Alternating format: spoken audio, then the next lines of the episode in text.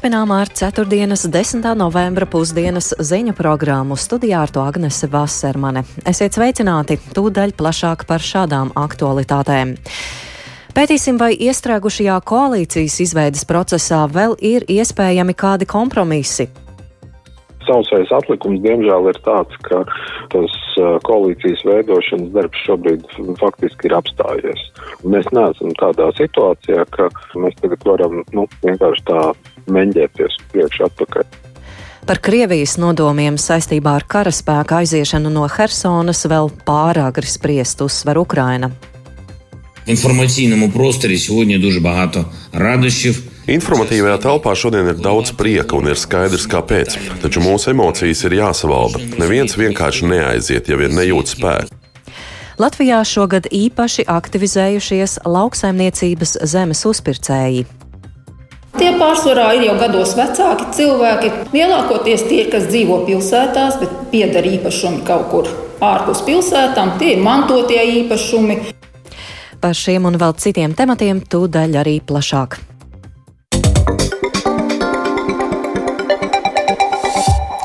Šodien jaunā vienotība un Nacionālā apvienība tiekas saistībā ar aktuālo situāciju valdības veidošanā. Nacionāļi ir piekrituši Krišāņa Kariņa piedāvātajam atbildības jomu sadalījumam un gatavi sākt darbu pie valdības deklarācijas. Tam deleģēt pārstāvjus darba grupās gatavi arī apvienotā saraksta pārstāvji, kuri gan vispirms prasa vienošanos par darbiem un gūt skaidrību par nozaru finansējumu. Krišānis Kariņš prasīs apvienotā saraksta sarunu sarunvežiem šonadēļ sniegt atbildi par piedāvāto atbildības jomu sadalījumu. To nesagaidot, iecer izveidot triju partiju valdības koalīciju ir apdraudēta. Lai arī par koalīcijas izveidas grūtībām publiskajā telpā runāts daudz, nepamet sajūta, ka par patiesajiem valdības izveidas grūtību iemesliem visu nezinām. Tā sarunā ar korespondentu Jāni Kīnci pauda politologs Latvijas Universitātes sociālo zinātņu fakultātes dekāns profesors Jānis Ikstens. Koalīcijas veidošanas process sestajā nedēļā ir iebuksējis un valdības deklarācija netop. Vai atšķirīgajā pieejā par vēlamo procesu, kas šobrīd stāv uz vietas, saredzat kādas kompromisa iespējas? Par spīti tam, ka publiskajā tāpā ir salīdzinoši daudz informācijas par to, kas notiek koalīcijas sarunās, nu, tomēr līdz galam nav skaidrs, kas ir tie patiesie iemesli, kāpēc eh, nu, jau vairāk nekā mēnešu laikā mēs īsti nekur neesam tikuši. Ne jaunās vienotības ietiepšanās par progresīvo piesaisti bija skaidri saprotama un izskaidrota. Ne arī šī brīža problēmas ar uh, secību, nu, ko tad vispirms, vispirms vienojamies par ministriem, vai vispirms vienojamies par darāmajiem darbiem, vēsturiski mēs varam sameklēt gan precedentu tam, ka vispirms ir vienojušies par ministriem un pēc tam par visiem darbiem, ja, gan arī ir bijis otrādi. Nu, vismaz publiskajā sfērā ir drusku tāda rotaļa ap šo Bet sausais atlikums, diemžēl, ir tāds, ka tas koalīcijas veidošanas darbs šobrīd faktiski ir apstājies. Mēs neesam tādā situācijā, ka mēs tagad varam, nu, vienkārši tā meņģēties priekš atpakaļ. Un ir tas darbs jāvirs tālāk uz priekšu. Nu, šī brīža situācija nav pieņemama. Apvienotā saraksta pārstāvju pārmetumi gan visciešāk izskan Krišāņa Kariņa, nevis visas jaunās vienotības virzienā. Vai tas varētu norādīt arī uz kādām atsevišķu personālī savstarpējām problēmām? Nezinu, man grūti spriest, kas ir tie patiesie iemesli, vai ir kaut kādas dziļākas pretrunas, kuras tiek slēptas aiz tā, ka Nu, mums nepatīk, ka Kariņš vada sarunas, mums nepatīk, ka Pīlēns piedalās sarunās, vai arī tas patiešām ir tikai un vienīgi nu, kaut kāds personālī līmenis. Taču piekdien ir Krišāņa Kariņa nosauktais termiņš, kad apvienotajam sarakstam ir jāatbild par piedāvāto jomu sadalījumu. Pašsaprotamais jautājums, kas uzprasās pēc šāda te, nu, Kariņa faktiski ultimāta ir, kas notiek tālāk. Nu labi, ja apvienotais saraksts neko neizdomā līdz nākošās nedēļas sākumam, tad ko? Tad Kariņš vairs nav premjera amata kandidāts, tad vienotība izstājas no koalīcijas sarunām. Vēl tālākais jautājums ir, vai pat tas nozīmē, ka zināms pamats ir tiem nu, tādiem kulāru minējumiem, ka varbūt Kariņš nemaz īsti negrib būt premjers vēl kaut kādu laiku. Es negribu šīs baumas kaut kā pastiprināt un, un izplatīt,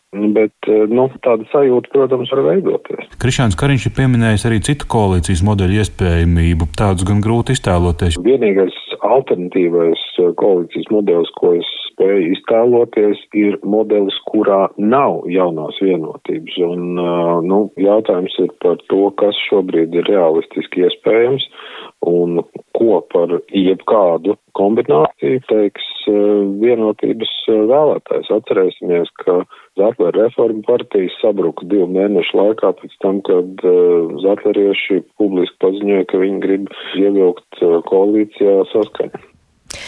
Tā politologs Jānis Sikstens par iestrēgušajām valdības veidošanas sarunām. Viņu iztaujāja kolēģis Jānis Kīncis.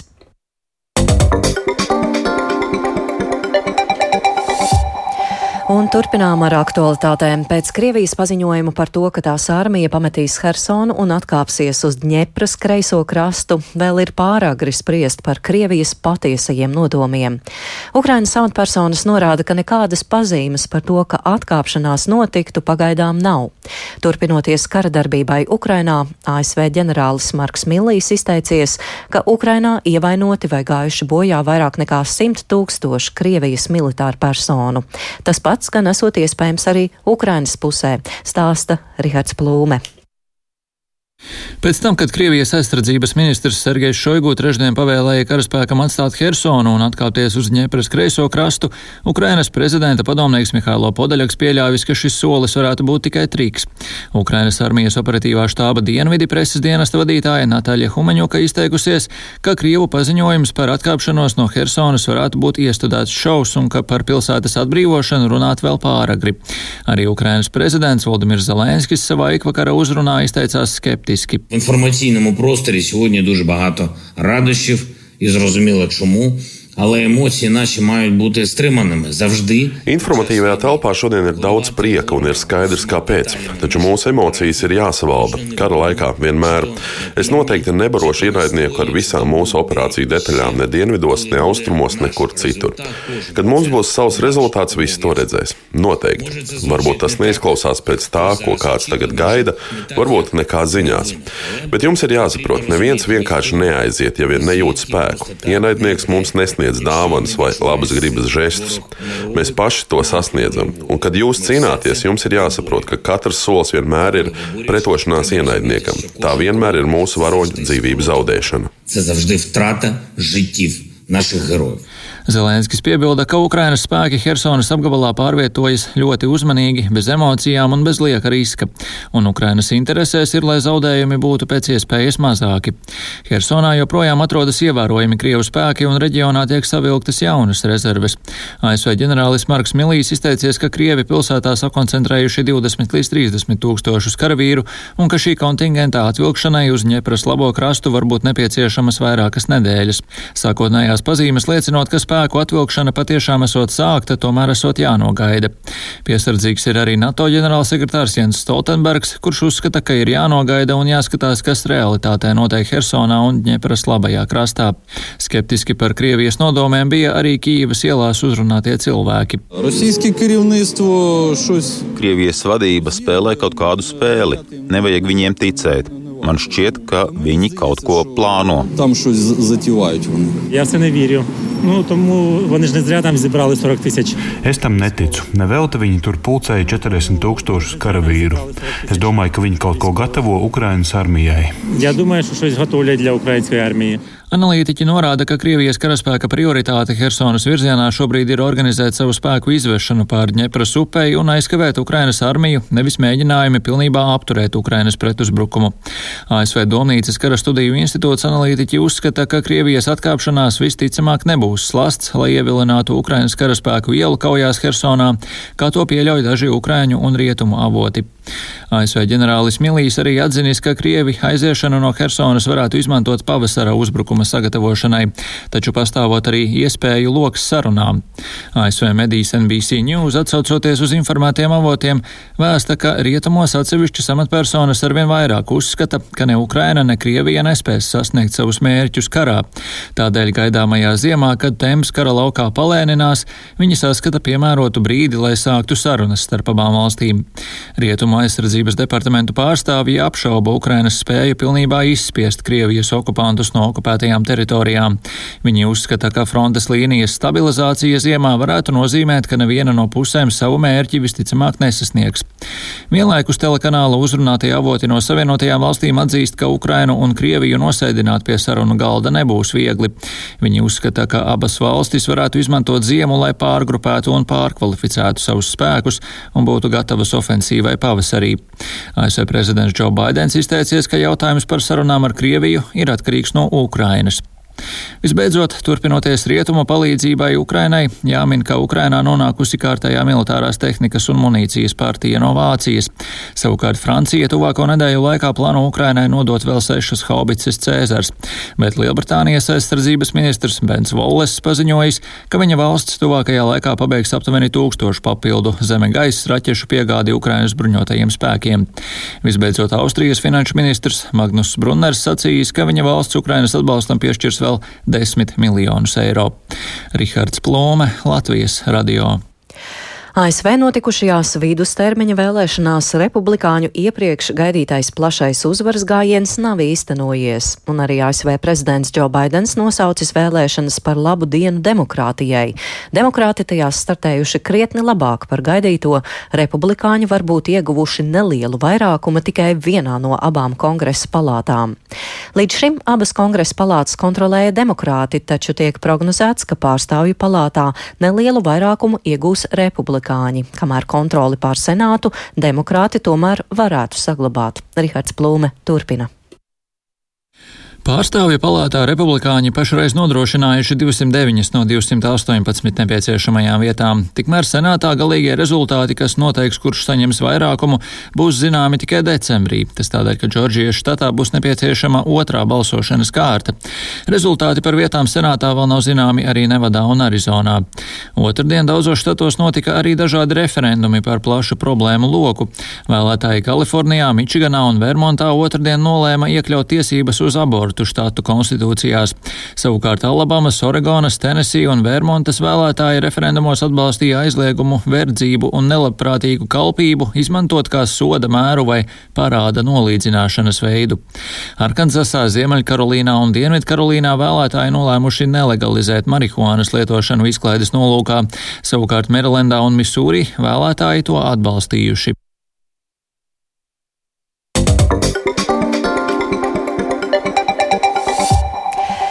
Vai ielu apgaismojums ciematos un kapličas kapsētās ir jāierīko par pašvaldības budžeta naudu vai finansējumu, ko uzņēmējiem un nevalstiskajām organizācijām sabiedrības ideju īstenošanai iedod valsts? Šādu jautājumu liek uzdot jaunākie lēmumi Ogres novada domē.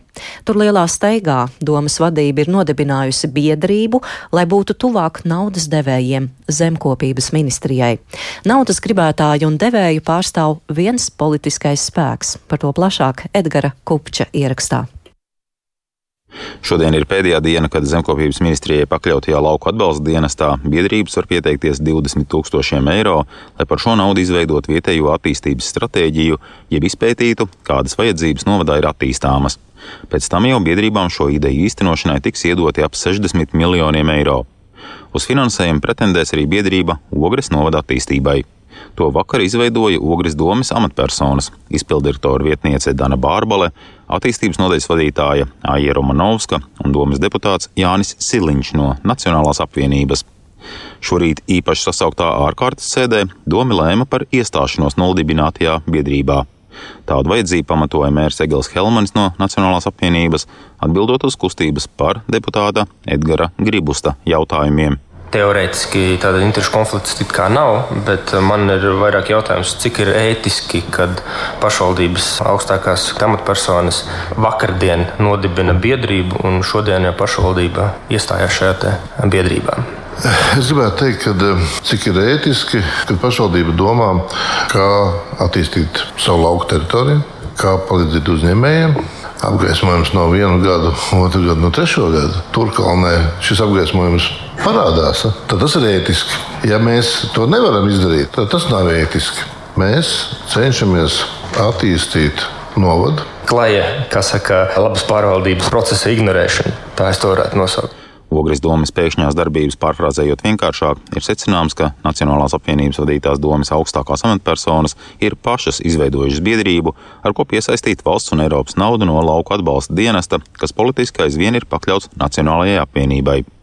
Galvenais naudas pumpis ir pasākums līderi, un programmas aprakstā lasāms, ka pamatprincips ir pieeja no apakšas uz augšu, kad iniciatīva nāk no vietējiem iedzīvotājiem stāsta lauka atbalsta dienesta atbildīgā departamenta direktors Rināls Vācers. Nauda ir paredzēta vietējiem iedzīvotājiem, lauku iedzīvotājiem, lauku uzņēmējiem, un šīs vietējās rīcības grupas tās ir pašu iedzīvotāju dibinātas biedrības, kurās apvienojās lauku sievietes, lauku jaunieši, pašvaldības pārstāvji, uzņēmēji. Viņi nodibina šo vietējo rīcības grupu. Ja vienas domas augstākās amatpersonas, ieskaitot deputātu, vakar izveido biedrību un šodien grasās pagūt vēl pieteikties šīm lietām, tas izskatās pēc vietējo iedzīvotāju un lauku attīstības lietām? Grūti atbildēt uz to jautājumu, jo es pirmkārt nezinu, par ko iet runa. Otrkārt, ja šāda vietējā rīcības grupa tiek izveidota pēdējā brīdī, no es īsti neredzu argumentus, jau uz to vienu teritoriju ir pieredzējusi, jau iepriekš darbojusies grupa un jauna, tad es neredzu īsti kādā veidā vinnēt konkursā par to teritoriju. Pieredzējusi biedrība Ogres novadā ir Ziedz zeme, kas pēdējos gados novada attīstībā ieguldījusi ap 3 miljoniem eiro. Lausties naudas, jeb vairāk nekā 2 miljoni, tika uzņēmējiem, bet Ogres domas lietām piešķīra ap 200 tūkstošiem. Vairākas domas idejas palika bešā, jo nebija kvalitatīvi sagatavotas. Ārkārtas sēdē šorīt Ogre lēma no šīs biedrības izstāties. Par to jautāja biedrības vadītājai Lindai Cīrulei. Mums nav bijušas neizpratnes par procesiem, mums nekad nav izteikusi nekādas ierosinājumus vai pretenzijas pret mūsu sadarbību. Ogre ir pieteikusi 17 projektus, no kuriem 10 projekti ir tikuši apstiprināti. Tie galvenokārt ir vērsti infrastruktūras uzlabošanai, kā piemēram kinocentrā atzimšana ķēpenē, gaismas ciemata tautas namā, tirgus izveidošana suntužos. Mazliet mulsinoši ir šī ideja, un pirmkārt jau ārkārtas sapulce un viss tāds sasteigts, manuprāt, šis lēmuma projekts un pieņemtais lēmums. Ogres doma sēdē pamatoja, ka biedrība gribējusi paplašināties, tāpēc samazinātos domas iespēja tikt pie naudas. Biedrība atbild, ka teritoriāla paplašināšanās tieši dotu iespēju dabūt vēl vairāk atbalsta uz visiem.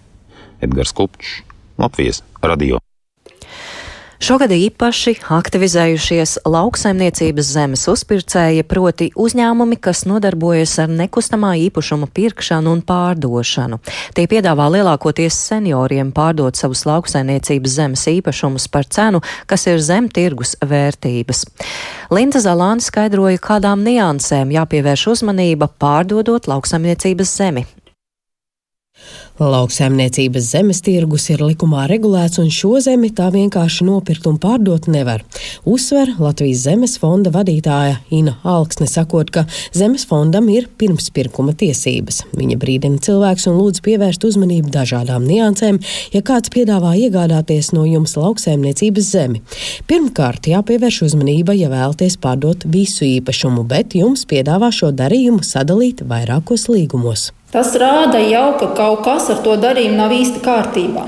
Otra lieta, ko sola šie aktīvie uzņēmēji, viņi piedāvā augstu tirgus cēnu, tūlītēju samaksu un dažādus labumus. Šeit arī vajag tomēr meklēt, pārliecināties, vai tā ir patiesība un salīdzināt, kaut vai piesaistīt savus bērnus, kaimiņus, painteresēties, zemes fondam pajautāt. Trešā lieta - vajag uzmanīgi, rūpīgi lasīt līguma nosacījumus. Jo nereti šajos līgumos mēs esam redzējuši, ka tiek iekļauts arī soda naudas. Gadījumā, ja jūs pēkšņi pārdomāsiet, Vēl viena būtiska nianse, kuru zemes pircēji nepasaka, ja zemi iegādājas ne lauksaimnieki, tad tās pārdevējiem jāmaksā 20% iedzīvotāju ienākuma nodoklis no kapitāla pieauguma. Nereti, kad pienāk rēķins, tad nauda jau ir iztērēta un valstī nodokli samaksāt ir grūtības. Uz jautājumu, kādi cilvēki visbiežāk kļūst par negodīgā darījuma upuriem, Ina Alksne pauž šādi. Tie pārsvarā ir jau gados vecāki cilvēki. Lielākoties tie, kas dzīvo pilsētās, bet pieder īpašumi kaut kur ārpus pilsētām, tie ir mantotie īpašumi, un paši viņi ar lauksaimniecību nenodarbojas. Citreiz īpašumi ir iznomāti, citreiz nav. Lielākoties cilvēki tiek uzrunāti diezgan agresīvi zvanot, vai arī vienkārši visās paskastīties pēc kārtas tiek liktas vēstulītes, uzaicinājumi ar ļoti labas cenas piedāvājumu. Un, ja tajā brīdī cilvēkam tiešām ir nepieciešama kāda finanšu resursa, viņš varbūt pat nav līdz tam domājis par savu īpašumu pārdošanu, tad jā, te ir labs piedāvājums, kāpēc ne? Zemes fonds palīgā saucienus saņem regulāri. Dienā vismaz viens vai vairāki cilvēki zvana un lūdz fonda konsultāciju, kā šādā situācijā rīkoties. Zemes fonds var mēģināt stāties pircēja vietā, bet te jārēķinās, ka fonds nevar mainīt līguma cenu. Iegūms šajā gadījumā, ka pārdevējam nebūs tad jāmaksā kapitāla pieauguma nodoklis. Lauksaimnieks Andris, kura vārds un balss ir mainīta, pamanīja šādu nelikumīgu schēmu un vērsās Zemes fondā pēc konsultācijas. Viņš no kaimiņa ilgus gadus īrēja zemi, bet kaimiņš pēkšņi to pārdeva. Mēdījos Andris pamanīja informāciju, ka šādas nelikumīgas schēmas tiek īstenotas un sāka aizdomāties. Palūdza kaimiņam parādīt zemes pārdošanas līgumu. Palasīju, un man likās tādi daudz teikumi, tādi, nu tieši tā kā tur tai schēmā ir rakstīts, tā tur arī apmēram atspoguļojās. Pirmām kārtām jau tos īpašnieks viņi apmāna. Tur jau tā likumdošana jau nezinu. Šajā gadījumā arī pienākuma nodoklis 20%, tad viņš jau, es saprotu, ka tur nav informēts, ir kā tā līguma rakstīts, viss samaksā visas nodokļus, bet nekas jau cilvēkam neizskaidrots. Faktiski, kuram tad patīk, ka ienāk viņi nozarē par spekulantu? Kā kādreiz teica, un tagad viss ir biznesmeņi, bet kādreiz bija spekulanti, un tā es arī nosaucu. Arī zemnieku saimniecības pīlāģi finanšu direktors un biedrības zemnieku saima valdes loceklis Edgars Putra uzsver, ka lauksaimniecības zemes pārpircēju aktivitātes ietekmē godīgu konkurenci un tirgus cenu. Viņa ir bijusi visu laiku tā praksa, kad ir šādi tirgus dalībnieki, bet uh, viņi īpaši izteikti ir tagad pēdējā laikā jo kopš mums inflācija ir ļoti liela, tad uh, daudz cilvēku izvēlas savus brīvos naudas līdzekļus ieguldīt zemē, jo zemē vērtība nekritīs, bet uh, pašai naudai vērtība jau paši zinām 22, 20% šobrīd inflācija, kas nozīmē, ka naudas vērtība to, ko varēja nopirkt vakar, jau rītdien vairs nevarēs par to pašu naudu nopirkt. Tāpēc es pieļauju, ka tas ir viens no iemesliem, kāpēc šobrīd aktīvi iegūt šo naudu tieši lauksaimniecības zemē. Tas savukārt krasi ietekmē lauksaimnieku dzīvi, jo zemes pārdošanas cena un nomas maksa aizvien pieaug, un konkurencē par zemes iegādi piedalās ne tikai lauksaimnieki, bet arī nekustamā īpašuma uzņēmumi un investīciju fondi, kas naudu nopelnījuši darbojoties citā jomā un nu brīvos līdzekļus iegūda lauksaimniecības zemes iegādē. Linda Zalāne, Latvijas radio.